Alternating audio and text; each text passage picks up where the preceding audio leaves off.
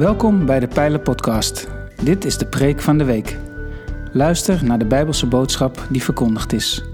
We hopen dat je groeit in kennis en liefde voor Jezus Christus.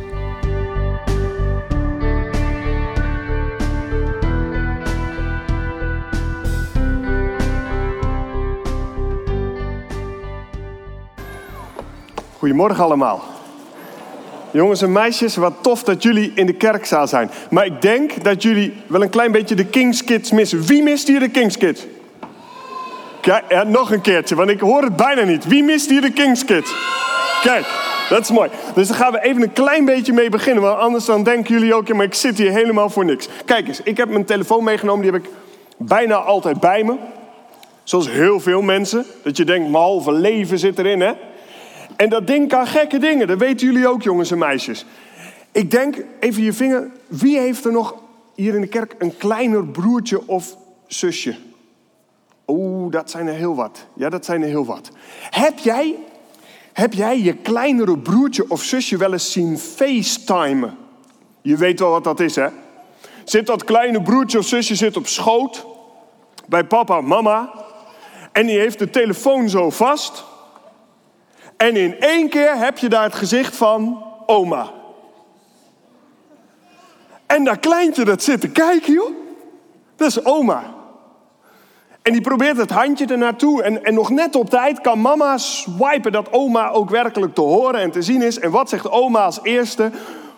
De naam van jouw kleine broertje, jouw kleine zusje, die daar zit. Natuurlijk, nou, jouw kleine broertje, jouw kleine zusje. Ze kijken. Dat is oma, echt hè? En oma noemt mijn naam. En het is oma's gezicht. Maar ze snapt er geen bal van. Dat kleine broertje, dat kleine zusje te kijken. En wat doet dan dat kleine broertje of zusje? Wat doet hij? Die ziet oma, die hoort oma, die hoort zijn of haar naam. Maar dat broertje, zusje niet gek. Die gelooft er geen bal van. Die probeert met dat handje naar die telefoon en een part rode knopje uit. Oma weg. Nou, nog een keer, hè? dus wop, weer oma, weer de stem, weer de naam die genoemd wordt. En wat doet dan dat kleine broertje zusje? Die beweegt, die laat zich zo, als, ze zijn vliegensvlug, hè, als water, zo woep van papa en mama schoont. En die probeert aan de achterkant van dat toestel te kijken. Waar is oma dan? Ik word hier genept. Ik weet het zeker. Nou, daar gaat het vanmorgen over. Vanmorgen gaat het over een jongetje. En die jongen hoort de stem van God. Maar hij snapt er niks van. Hij probeert aan de achterkant te kijken, waar is God dan? En hij moet als het ware gaan leren hoe het werkt om te facetimen met God. Aan het eind van deze dienst weet jij hoe het werkt dat je kunt facetimen met God. Is dat niet tof? Hem horen, zijn stem verstaan en dan voor jou vanmorgen. Ja? Gaan we samen lezen? 1 Samuel 3. Lees maar mee. Als je in de Bijbel leest, moet je altijd heel goed opletten wanneer God iets gaat zeggen. Dus in de Bijbel zijn heel veel belangrijke dingen. Maar als God zelf iets zegt, dan zit je natuurlijk op het puntje van je stoel. Dus als je kunt lezen, lees je mee op de beamer. En die jongen die heet vanmorgen Samuel. Samuel, dat betekent God hoort. God hoort. Samuel, Samuel. De jonge Samuel diende dus de Heer onder de hoede van Eli. Er klonken in die tijd zelden woorden van de Heer en er braken geen visioenen door. Niemand kon facetimen met God. En op een zekere nacht lag Eli op zijn slaapplaats, zijn ogen waren dof geworden en hij kon bijna niets meer zien. En Samuel lag te slapen in het heiligdom van de Heer bij de ark van God en de godslamp was bijna uitgedoofd. Toen riep de Heer Samuel. Ja, zei Samuel. En hij snelde naar Eli toe en zei: Hier ben ik, u hebt me toch geroepen? Maar Eli antwoordde: Ik heb je helemaal niet geroepen, ga maar weer lekker slapen. Toen Samuel weer lag te slapen, riep de Heer hem opnieuw. Samuel stond op, ging naar Eli en zei: Hier ben ik, u hebt me toch geroepen? Maar Eli antwoordde: Ik heb je helemaal niet geroepen, mijn jongen. Ga maar weer slapen. Samuel had de Heere nog niet leren kennen Want de Heer had zich nog niet eerder aan hem bekendgemaakt door het woord tot hem te richten. Opnieuw riep de Heer Samuel voor de derde keer. En Samuel stond op en ging naar Eli en zei: Hier ben ik, u hebt me toch geroepen? Toen begreep Eli dat het de Heer was die de jongen riep. En Samuel, hij zei tegen Samuel: Ga maar weer slapen.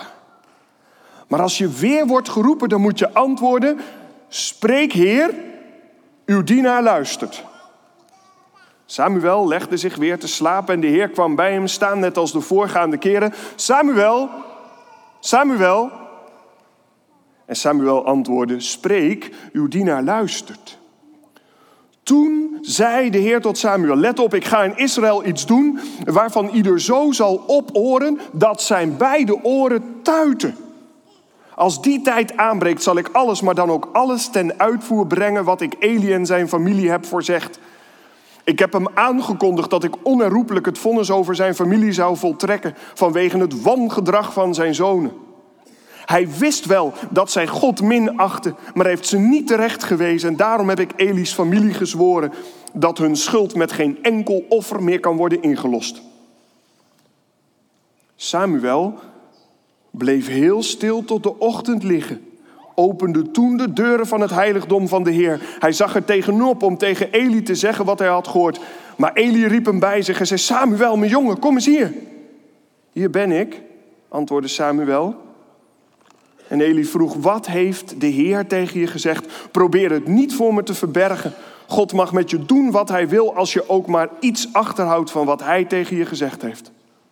En zonder iets te verstoppen vertelde Samuel alles wat hij had gehoord. En Eli zei: Hij is de Heer, laat hij doen wat hij het beste vindt. En Samuel groeide op en de Heer stond hem bij en bracht alles in vervulling wat hij had voorzegd.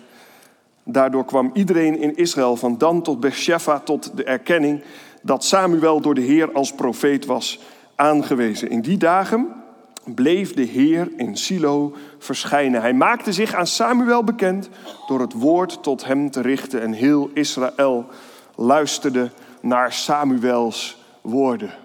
Broers en zussen, wat hier gebeurt is allereerst een drama. Dit is niet mooi. Dit verhaal van 1 Samuel 3 begint aarde, aarde donker. Dat staat in de tekst. Er staat dat er nauwelijks een visioen werd gezien. Het woord was schaars. God facetimede bijna met niemand.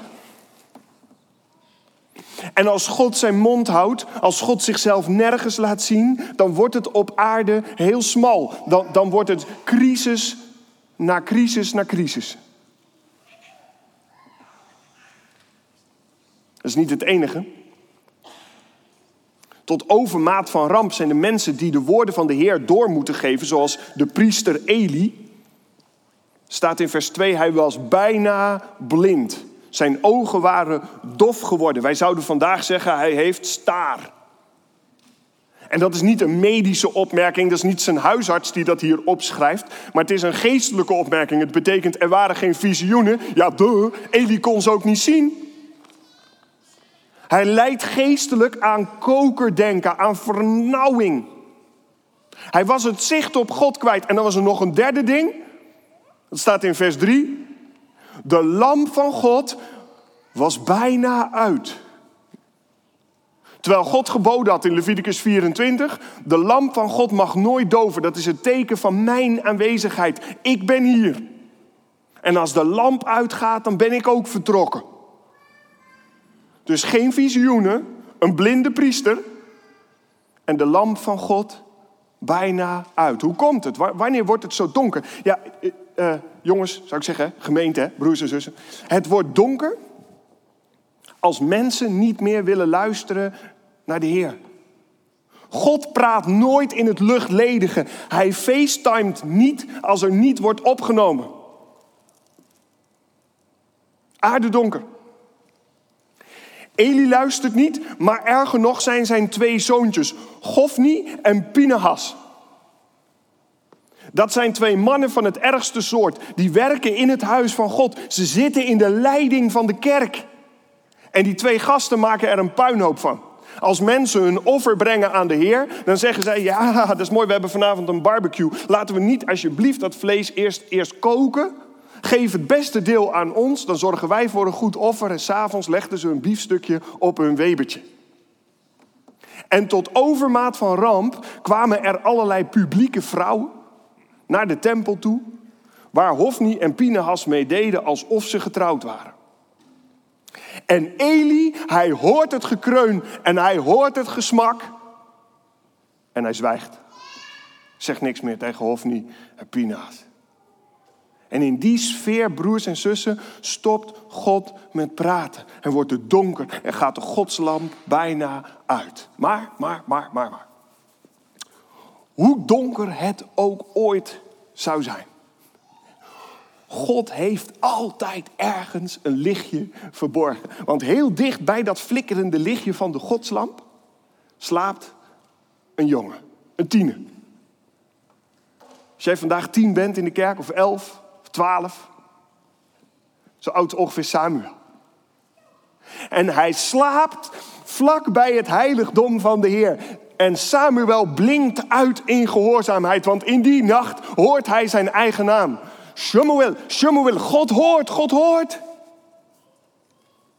Dus hij springt op van zijn wiegje en hij rent naar Eli. Want hij is het knechtje van Eli. En als Eli roept, moet hij komen. En Eli zegt, nee joh, ben gek. Ik lig hier ook maar lekker te slapen. Ik heb je helemaal niet geroepen. Heb je gedroomd? Ga maar lekker liggen joh. En dan komt hij de tweede keer. En denkt Eli, ja nou neemt hij me bij de neus. Hij stuurt hem terug. En dan komt hij de derde keer. En in één keer, jongens, is het alsof Eli zijn hoofd aangaat. Alsof er zoals in de Donald Duck zo'n lampje boven zijn hoofd gaat van verdraaid. Dat is waar, ook dit is de derde keer. Het is waar, God kan ook nog gewoon iets tegen je zeggen. Gewoon in real life.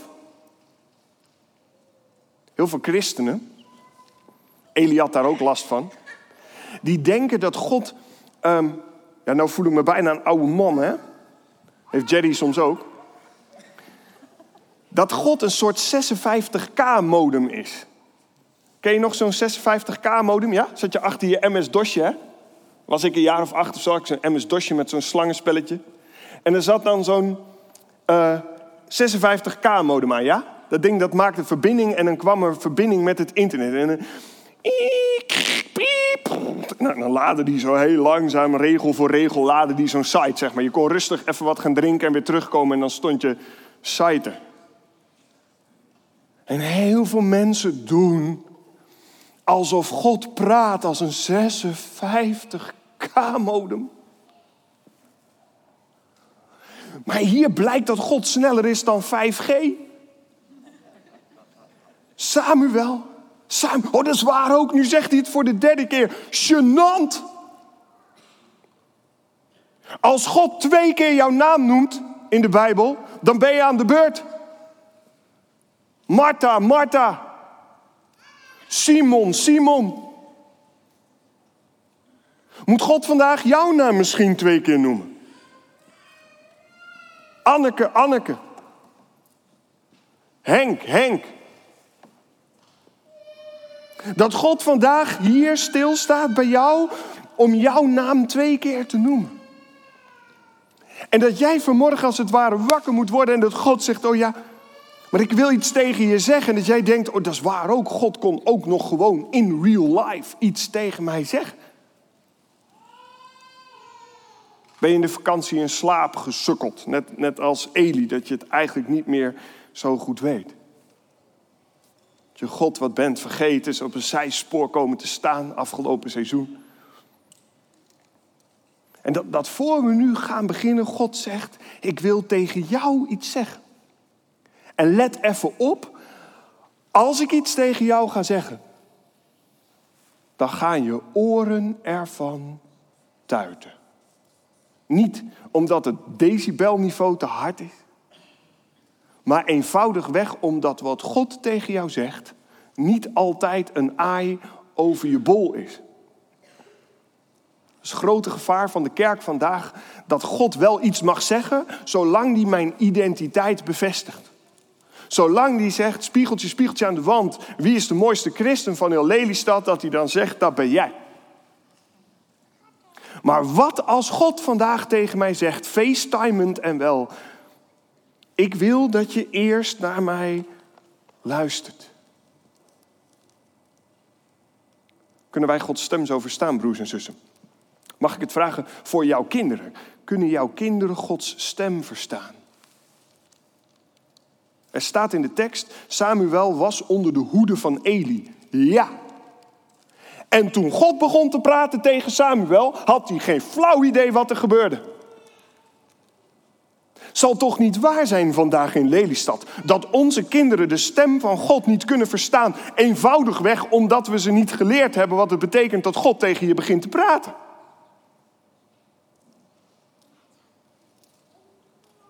Eli, hij zit daar op die stoel aan het begin van het boek. En hij blijft tot, op die stoel zitten tot het eind van het boek dat God hem er vanaf trekt en zegt nou is klaar. Hij breekt zijn nek, einde verhaal voor Eli. Eli was geestelijk passief geworden. Je kunt in de kerk zitten, vinden dat je ongelooflijk betrokken bent. Maar eigenlijk diep van binnen ben je passief geworden. Je hoort de stem van God niet, maar erger nog, je leert de volgende generatie niet wat het betekent om te leven met de Heer. Mag je dat, mag je dat in de tekst laten zien? Regie, sorry, we hebben dat niet overlegd. Uh, vers 9 en 10, eventjes, nog op de beamer. Mag dat? Hier. Hij zei tegen Samuel, dus Eli, hè?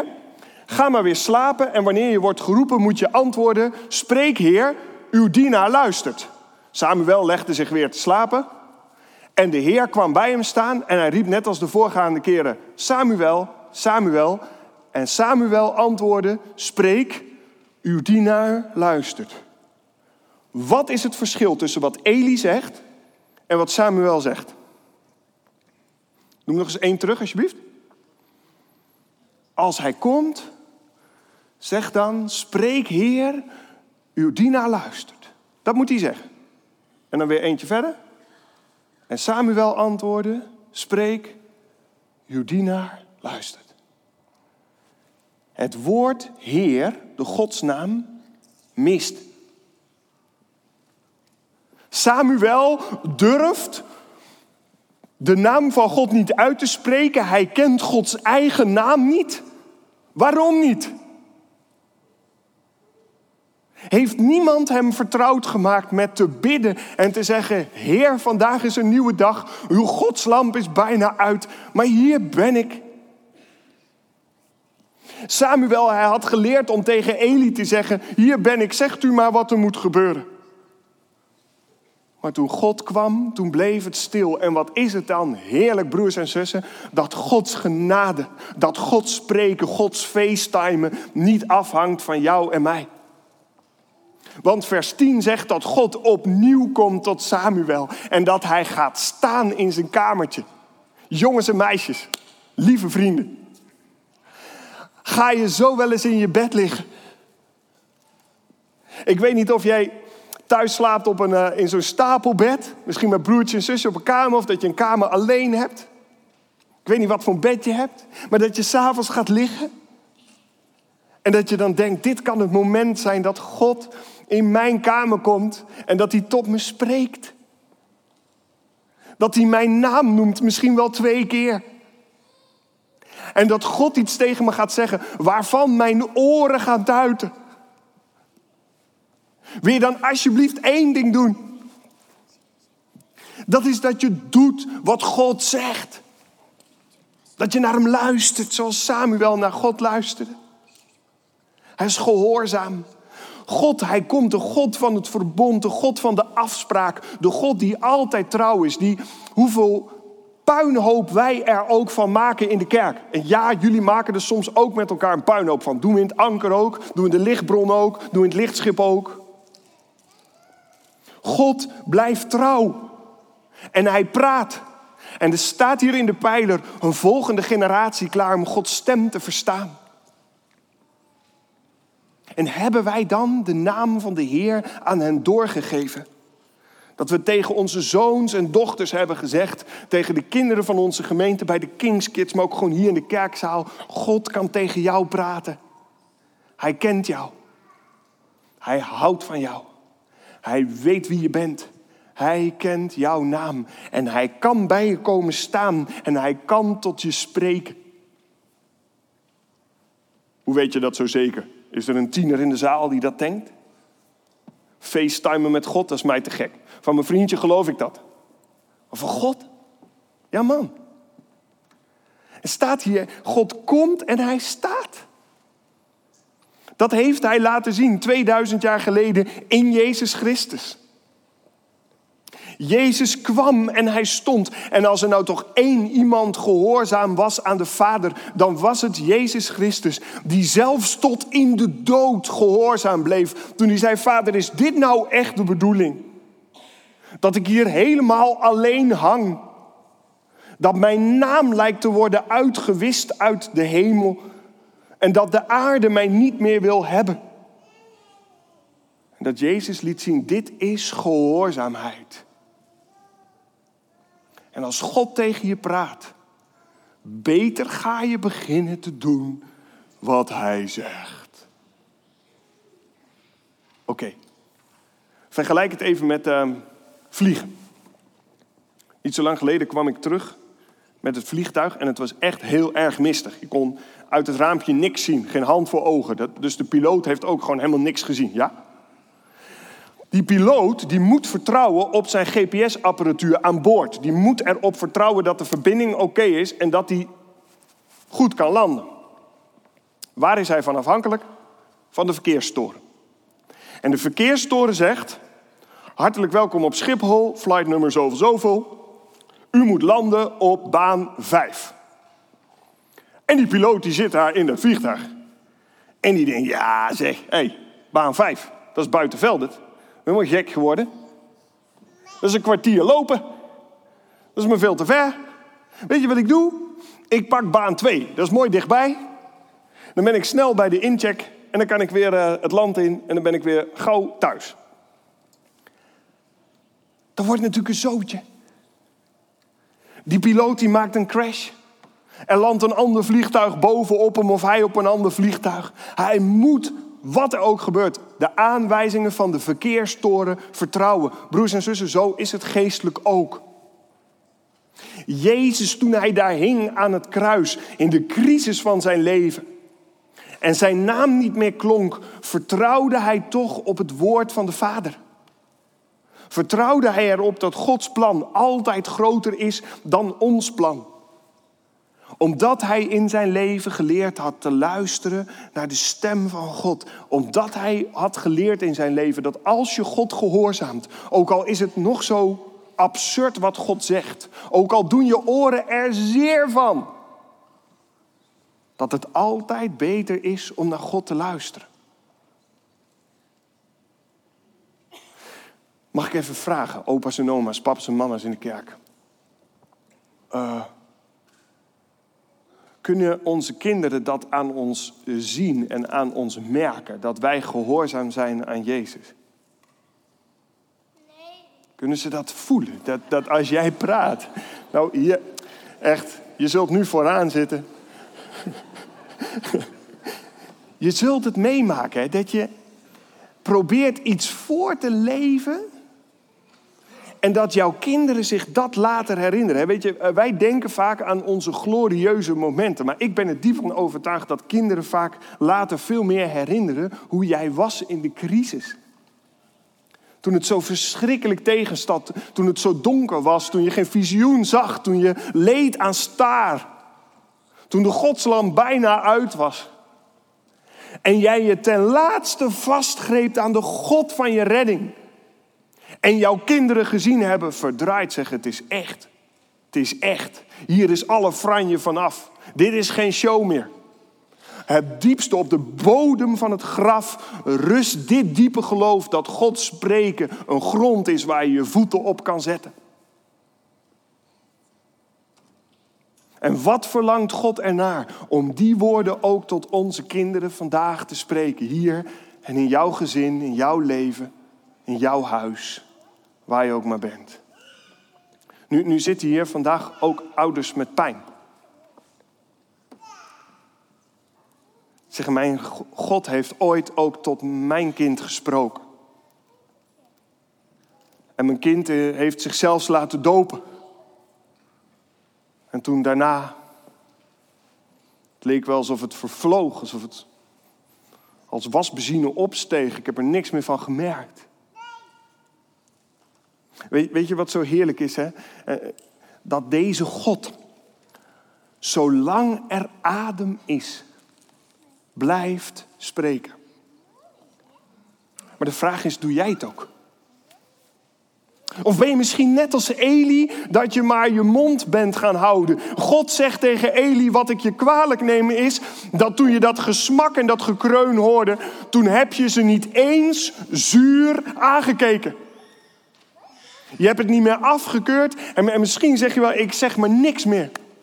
Want niks zeggen is beter dan iets zeggen. En misschien heb je in sommige situaties gelijk. Maar waar in jouw leven kunnen ze dan nog zien dat God een 5G-verbinding heeft? Dat God niet traag is in zijn belofte. Dat hij zijn oordeel uitstelt. En dat je oren er soms van tuiten. Maar dat je leeft met die diepe verwachting. Mijn God kan het grote verschil maken in het leven van mijn kinderen en in mijn kleinkinderen. Opa's en oma's, jullie facetimen af en toe met je kleinkinderen. Misschien luister je thuis mee. Heb je familie in Australië of heb je familie in Canada of heb je familie waar dan ook. En dan is FaceTimen geweldig. Maar als u met uw kinderen FaceTimet of in real life ergens bent, horen ze dan ook iets over de naam van God? Dat als de Heer tegen hem begint te praten, dat ze dan ogenblikkelijk weten, dit is de God van mijn opa, dit is de God van mijn oma, hij belooft het broers en zussen, dat is zijn naam. Ik ben erbij, ik kom en ik sta en dat zal ik altijd doen. Daar mag je op vertrouwen. In de doop laat hij dat aan de gemeente zien. Ik ben betrouwbaar. De doop is er niet allereerst voor de dopeling. Ja, dat, dat natuurlijk ook, hè. Maar de doop is er allereerst voor jullie. Dat elke keer als er iemand ondergaat, dat je ziet, God is trouw. Hij gaat door. En je hoort het in het getuigenis. Eigenlijk kan het niet. Maar hij doet het toch. En daarom dopen we in de naam van de drie ene God. Omdat hij komt en staat en spreekt. op broers en zussen, ik vind dat zo'n wonder, elke keer opnieuw. Dat die naam in ons leven is neergelegd. En het zal toch niet zijn dat wij zo blind zijn dat we die naam laten gaan.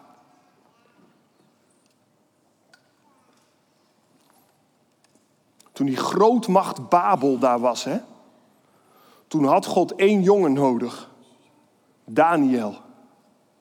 Toen de grootmacht Egypte er was, had God één jongen nodig, Jozef. En hij zette hem op de troon. Toen het Perzische Rijk machtig was, had God één meisje nodig, Esther. En hij zette haar op de troon. Toen de lamp van God bijna uit was, had God één jongetje nodig, Samuel. En God maakte van hem een profeet. Lelystad 2022. Zit hier een jongen of een meisje in de kerk die graag wil facetimen met God? Die gehoorzaam wil zijn aan de levende God. Die er naar verlangt dat als hij vanavond in zijn bed gaat liggen. En mag je doen, hè, jongens en meisjes, dat je gaat liggen. En dat zegt: Heer, wilt u het tegen mij zeggen? Wilt u mijn naam noemen? Wilt u in mijn slaapkamer komen? Wilt u mij gebruiken opdat de lamp van u niet uitgaat? Dat u door mij heen schijnt in deze wereld? Nog één vraag, dan stop ik ermee hoor. Hoe heeft die jonge Samuel, die tiener, die daar leefde te midden van een wereld waar niemand naar God vroeg, hoe heeft die tiener dat volgehouden daar bij die tabernakel? Weet je waarom? Thuis zat een biddende moeder. Hanna. Heer, spreek tot mijn zoon. Beschermt u hem vandaag tegen Hofni en Pina's? Zitten hier biddende papa's en mama's? U weet toch wel dat u daarvoor geen biologische ouder hoeft te zijn, hè? Om een biddende moeder in Israël te zijn. Om een biddende vader te zijn. Die weet wat het betekent om de geestelijke strijd te voeren in een donkere tijd voor onze kinderen en onze kleinkinderen. En om het te verwachten van de God van onze redding, die spreekt. En die vanmorgen ook jouw naam heeft genoemd. Broers en zussen, ik wil een moment jullie aan de Heer opdragen. Zullen samen bidden. Heer, Heer. Wij noemen uw naam twee keer. En daarmee zeggen we tegen u dat het ons menens is. Ook als onze oren tuiten van wat u kunt gaan doen. En wat u doet. Hoe u de zonde afbreekt en de dood weg zult doen. En hoe u in ons en in onze kinderen het leven geeft. Wij smeken u, kom op dit moment met uw genade en met uw geest in ons midden. Raak harten aan. Noem de namen van onze jongens en meisjes twee keer. En geef ons jongeren en ouderen diepe gehoorzaamheid aan u. Maak ons een biddende generatie, opdat we van u mogen verwachten leven in uw kerk. Opdat de godslamp in onze stad zal branden. En uw naam verhoogd wordt van nu tot in eeuwigheid. Heer, als hier mensen zijn die gehoorzaam willen zijn aan u, dat begint met luisteren. Geef dan dat ze het op dit moment mogen uitspreken. Heer, ik wil luisteren naar u. Amen. Als dat in jouw hart leeft, en doe dat niet zomaar. Doe dat niet zomaar. Als het in jouw hart leeft, dat je zegt, dit nieuwe seizoen is dit mijn verlangen. Dat ik mag luisteren. Gehoorzaamheid begint met horen. Ik wil luisteren naar de stem van God. Dan gaat zometeen het kruis hier achter mij, of hier voor mij, achter jullie branden. Daar staan mensen die een kort gebed met je kunnen doen. Ze hebben geen tijd voor hele lange verhalen, dat mag later in de hal. Een kort gebed waarin jij beleidt wat er nodig is om het weg te schuiven dat je naar God wil luisteren. Dan kun je daar naartoe lopen, mag je opnieuw je gehoorzaamheid aan de Heer geven. En uh, daarna of ondertussen luisteren we samen naar een lied uh, waar je ook een stuk mag verstillen. Om alles wat je eng vindt voor het komend seizoen of waar je angstig voor bent, om dat uh, hier los te laten op jouw stoel. Mogen de Heer je daarin rijk zegenen. Amen.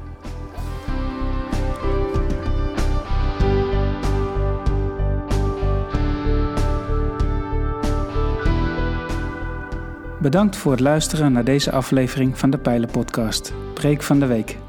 Heb je vragen naar aanleiding van deze preek? Stel ze. Dat kan via een e-mail naar onderwijs.pijler.nl. We helpen je graag verder in je groei als leerling van Jezus Christus. Abonneer je op deze podcast, zodat je altijd op de hoogte blijft van het onderwijs uit de Pijler. Goede week gewenst, ga in vrede, want God is nabij.